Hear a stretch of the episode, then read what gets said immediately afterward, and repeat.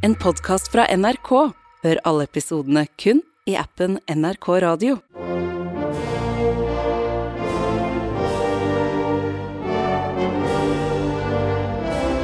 bombshell allegations rocked the White House. It's just a national embarrassment. Det var skandalen som omtrent overgikk det villeste Hollywood-plottet. Ikke bare hadde verdens mektigste mann, USAs president Bill Clinton, et forhold til en langt yngre praktikant. Han ble også tatt i å ljuge om det. I did not have sexual relations with that woman. These allegations are so serious that potentially it could threaten to bring down his presidency. His history shows that if he were to ever have a grave crisis in the White House, it would have something to do with sex. Nå er det 25 år siden affæren sjokkerte en hel verden. Hva var det som egentlig skjedde? Og hvordan ser vi på denne skandalen i dag? Du hører på Oppdatert. Jeg heter Gry Baby. Det var starten av 1998, og på et kontor i USA så satt det flere advokater og jobba. Og det hele virka som en helt vanlig dag, men det skulle på ingen måte bli. For advokatene hadde fått inn et ganske oppsiktsvekkende tips. Hanna Kolås, du er journalist her i Oppdatert. Hva gikk det ut på? Tipset det gikk ut på at den amerikanske presidenten hadde et forhold til en nesten 30 år yngre kvinne i Det hvite hus. Hun var en gratisjobbende praktikant og heter Monica Lewinsky. Og presidenten på sin side han var jo tilsynelatende godt gift med kona Hillary Clinton. Og grunnen til at advokatene spissa ørene, var jo ikke bare det pikante innholdet i tipset, men at de nå tenkte at det her kunne hjelpe dem i en sak de hadde prøvd å få hull på i mange år. Ja, for en av klientene deres det var ei kvinne som hadde jobba i lag med Clinton tidlig på 90-tallet, og hun mente at han hadde trakassert henne seksuelt. Ifølge kvinna så fikk Clinton henne med inn på hotellrommet sitt, der han så skulle ha kledd seg naken og bedt henne om seksuelle tjenester. Så det advokatene tenkte, var at hvis det var hold i dette praktikanttipset, så kunne de bevise at det var et slags mønster i oppførselen til Clinton, som da ville hjelpe saka deres. Og Hanna, denne praktikanten som presidenten angivelig skulle hatt et forhold til, hvem var det? 21-åringen Monica Lewinsky hun kom fra en rik familie i Hollywood som hadde kontakter som sørga for at hun fikk denne praktikantjobben som flere tusen søkte på hvert år. Hun ble omtalt som veldig smart og hadde fått veldig gode karakterer på skolen, og jobba gratis som praktikant i Det hvite hus i 1995 og 96.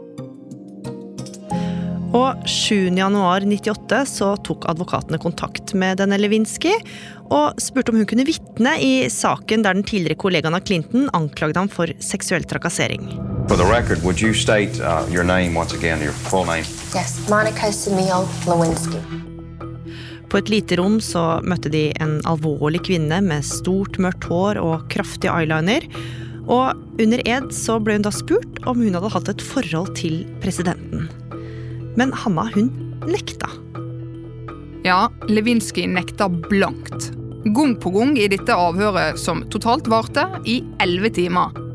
Og det var jo ikke bra for advokatene, da, som frykta de hadde gått på nok et blindspor. Men heldigvis for advokatene så skulle det ikke gå lang tid før de fikk et nytt tips.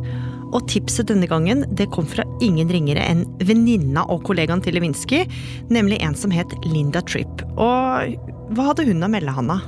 Hun sa at Lewinsky laug under ed da hun hadde snakka med advokatene. Noe som jo er straffbart, og Linda Tripp mente at hun kunne bevise det. For i lang tid hadde Tripp i all hemmelighet tatt opp private telefonsamtaler hun hadde hatt med Lewinsky, der de to venninnene pratet om forholdet mellom Lewinsky og presidenten. Det hadde resultert i over 20 timer med opptak på masse kassetter, som Tripp nå ga videre til advokatene. Hi, how'd you know it was me? Have caller ID. Oh, what's it say? Og det som kom fram, det var sjokkerende.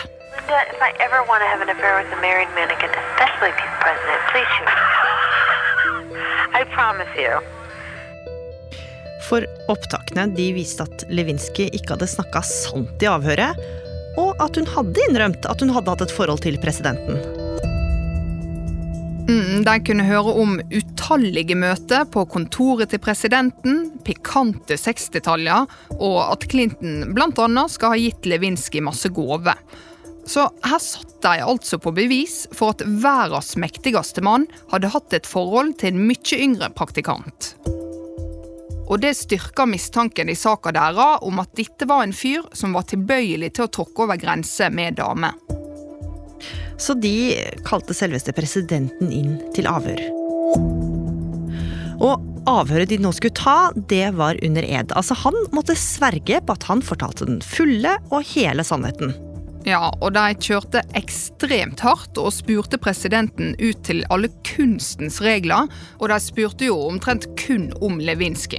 Men eh, han blånekta og gjentok gang på gang at han ikke hadde hatt noen seksuell relasjon til Lewinsky.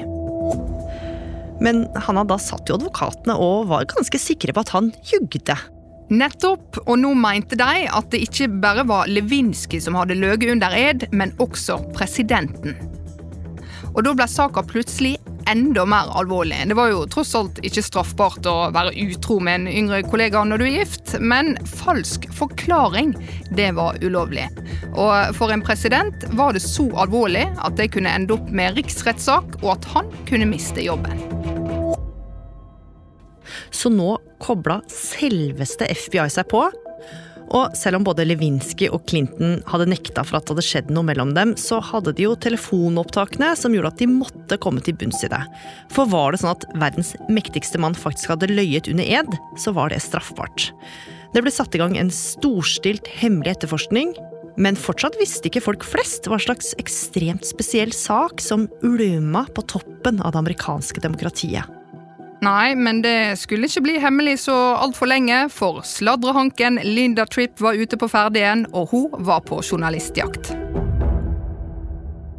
For hun kontakta en av landets største aviser, Washington Post, og sa at hun satt på et skikkelig skup. Men responsen ble jo ikke helt som hun hadde forventa, Hanna. Nei, for eh, redaktøren sa rett og slett at denne saka den er for god til å være sann. Og det var tross alt risikabelt å publisere en sånn type sak om presidenten. Men det hjalp jo ikke helt, for nå hadde jo ballen på mange måter allerede begynt å rulle.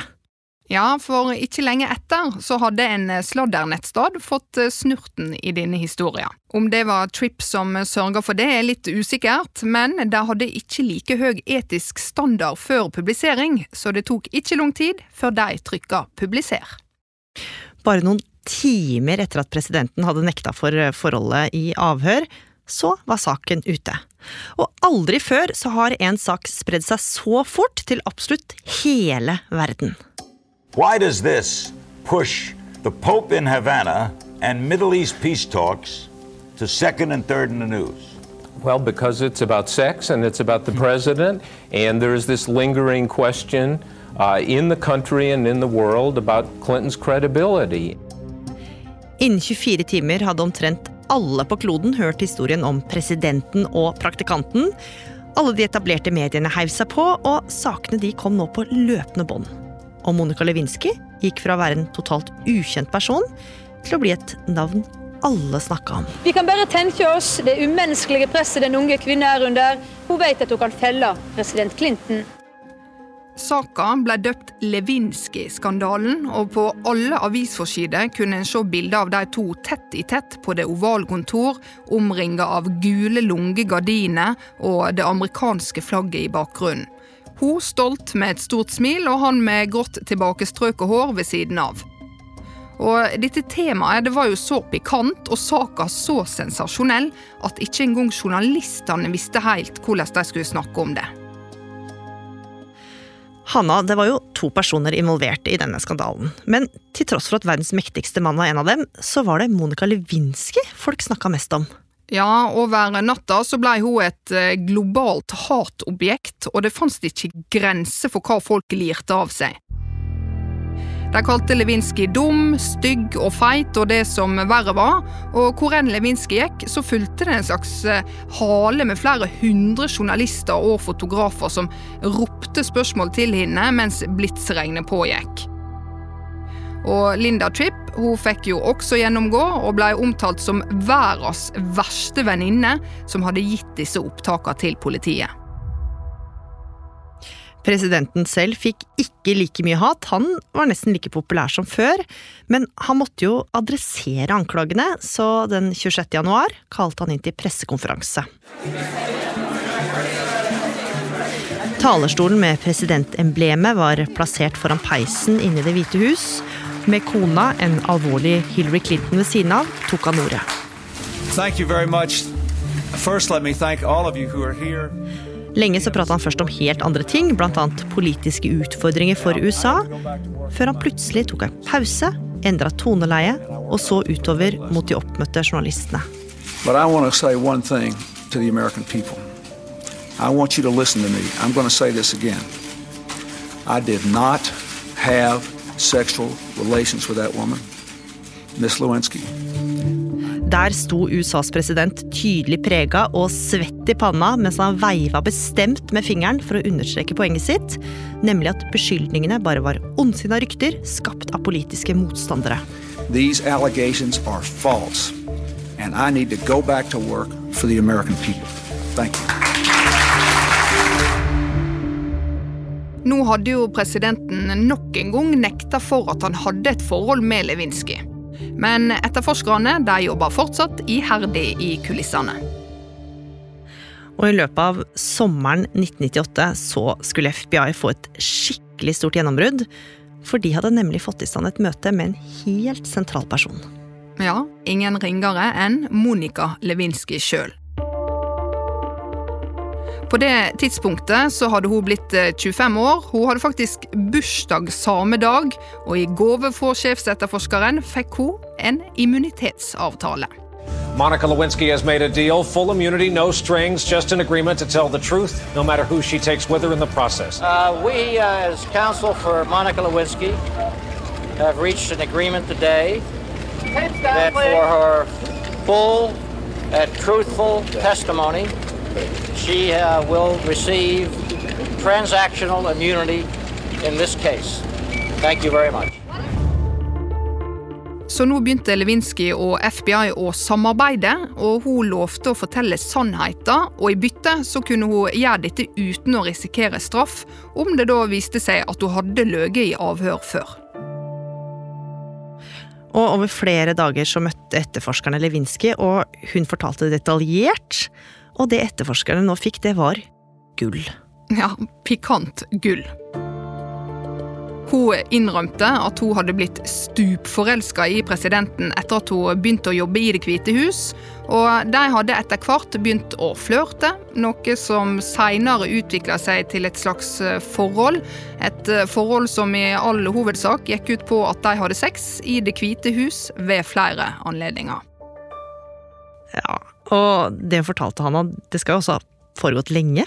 Ja, dette forholdet skal ha pågått av og på i rundt to år, til og med etter at apparatet rundt Clinton hadde flytta Lewinsky til en ny jobb i Forsvarsdepartementet, så hadde de klart å fortsette forholdet, og det til tross for at Clinton var verdens mest overvåka mann.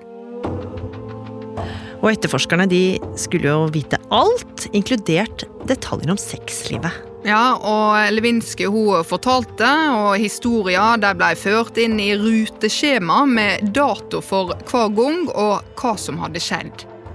Og det ble skrevet ned alt fra øyekontakt til flørting til sex. Det kom også fram historier om seksuelle handlinger som ble gjort mens presidenten satt i viktige telefonmøter. Men fortsatt så var det jo bare Levinskis ord de hadde, for Clinton hadde jo nekta. Men etterforskerne de hadde et annet ess i ermet, Hanna. Ja, for de hadde jo fått fysiske bevis. Det var jo disse gavene Clinton hadde gitt til Lewinsky, som hun leverte videre til etterforskerne. Og oppi ei av disse øskene fulle av bevis, så lå der også en helt spesiell kjole. En marineblå skjortekjole med belte i livet, som Lewinsky hadde hatt på seg på et av de mange møter de hadde hatt i Det hvite hus.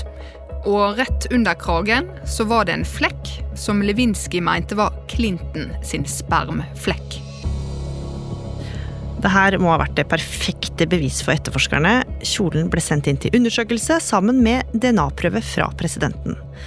Om morgenen 17.1.1998 så fikk FBI prøvesvaret, og det var match. Så nå hadde endelig FBI bevis på at de to hadde hatt et forhold, noe som betydde at Clinton faktisk hadde løyet under ed. Og da presidenten skulle forklare seg for den såkalte store juryen, så hadde forklaringa endra seg.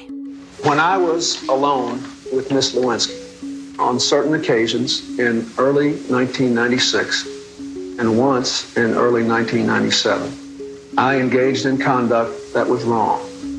Så etter seks måneder der han kategorisk hadde avvist det hele som ondsinna sladder, så innrømte han nå at han hadde hatt et upassende forhold. Og så fikk han et spørsmål. If Monica Lewinsky says that while you were in the Oval Office area, you touched her breast, would she be lying? That is not my recollection. My recollection is that I did not have sexual relations with Miss Lewinsky, and I'm staying on my former statement about that. If she My, said, my, my, my statement is that I did not have sexual relations as defined by that. Det ble igjen en diskusjon om eh, definisjonen av hva sex er, eh, og Clinton argumenterte for at de ikke hadde hatt sex, bl.a. fordi han mente at når Lewinsky hadde utført seksuelle handlinger på han, så var det hun som hadde sex, og han var passiv. Og Derfor mente også han at han ikke hadde avgitt falsk forklaring da han et halvår før hadde nekta i avhør at han hadde hatt sex med Lewinsky. Ja, en ganske spesiell tolkning. Så han mente altså at han gikk fri fordi at hun hadde hatt sex med han, og ikke omvendt? Ja, men denne forklaringa den gikk jo bak lukka dører, så ingen utafor fikk vite hva han hadde sagt. Men samme kveld ble det gjort klart til en TV-tale som skulle bli direktesendt til hele USA og resten av verden. Indeed, I did have a relationship with Miss Lewinsky that was not appropriate. In fact, it was wrong. It constituted a critical lapse in judgment and a personal failure on my part for which I am solely and completely responsible. This has gone on too long, cost too much, and hurt too many innocent people. Now, this matter is between me, the two people I love most, my wife and our daughter, and our God. It's nobody's business but ours. Over hele USA fulgte folk president Bill Clintons tale i natt. Det var hans viktigste noensinne. This guy has no credibility. I don't believe a word he says. He's a disingenuous president. I don't have any uh, respect for the office that he now holds. Så nå hadde presidenten innrømt at de to hadde hatt et forhold, men at han aldri hadde hatt sex med Lewinsky, og at han derfor aldri heller hadde ljugd under ed. Men FBI la ikke bare bort saken av den grunn, de var nemlig ferdig etterforska, og nå skulle politikerne få overlevert alle detaljene. Kartong etter kartong med dokumenter som forteller i detalj om den amerikanske presidentens seksuelle eskapader i Det hvite hus, landet under tung eskorte på Capitol Hill i går. Og etter en viss partipolitisk tautrekking i dag, blir store deler av materialet gjort tilgjengelig for alle som vil, på internett i morgen. Så nå var alt materialet, også telefonopptakene med Linda Tripp, blitt offentliggjort, og ydmykelsen var komplett. Clinton risikerte fortsatt å bli stilt for riksrett, så nå skulle politikerne i Kongressen komme med sin dom. Og etter å ha lest gjennom den elleville rapporten og sett på alle bevisene, så konkluderte de med at presidenten hadde løyet om forholdet under ed, og at det var grunnlag for å reise riksrettstiltale mot han, som den andre amerikanske presidenten i historien. Og i januar 1999, omtrent et år siden saken først sprakk, så begynte riksrettssaken. Clinton fikk eh, naturlig nok støtte fra partifellene i Det demokratiske partiet, men også mange republikanere stemte for frikjennelse. Så etter at riksrettssaka hadde vart i flere uker, så ble resultatet fra avstemminga i Kongressen klart, og det viste at Bill Clinton ble frikjent. Så saken som hele verden hadde fulgt tett i et helt år, og nesten kosta Bill Clinton jobben, det fikk egentlig ikke så mange konsekvenser for presidenten. Nei, for han ble faktisk bare mer og mer populær på målingene, både under og etter denne skandalen, og mange spekulerte jo også i om det var politisk motivert, dette som skjedde. Og Linda Tripp hun har sagt i etterkant at motivasjonen hennes for å gå til politiet med disse telefonopptakene var både politiske og patriotiske. For eh, Monica Lewinsky sin eh, del så var jo saka ei helt anna. Hun hadde for alltid fått livet sitt endra, og blei det som mest sannsynlig er verdens første døme på global nettmobbing. Hun har i flere intervju fortalt at hun i årevis hadde det grusomt, og hun fikk på mange måter all skylda for dette forholdet som hadde oppstått, til tross for at det jo var to om det. Og nå, nesten to tiår etter at skandalen rulla opp, så kom jo metoo. Hvordan endra det verdens syn på denne saken? Nei, I tida etter metoo så ble jo det en slags eh, verdensomspennende sjølransakelse, også for denne saka, og en så på dette forholdet med helt nye øyne. Da det skjedde, så hagla jo kommentarene mot Lewinsky om skyld, seksualiteten hennes og utseendet hennes, men etter metoo så gikk folk faktisk tilbake på ting de hadde sagt, og det blei plutselig større bevissthet rundt et slikt forhold. Det blei mer vanlig å mene at det er et skeivt maktforhold når en eldre mann har et forhold til en yngre kollega, og i dette tilfellet så kunne jo egentlig ikke maktbalansen blitt noe særlig skeivere. Bill Clinton nekta jo å snakke om denne saka i flere år, men i en dokumentar som kom i 2020, så sa han omsider unnskyld til Lewinsky, og at han var lei seg for at dette var en sak som endte opp med å definere livet hennes. Og det har jo den åpenbart gjort, for her sitter vi 25 år etter og snakker fortsatt om den.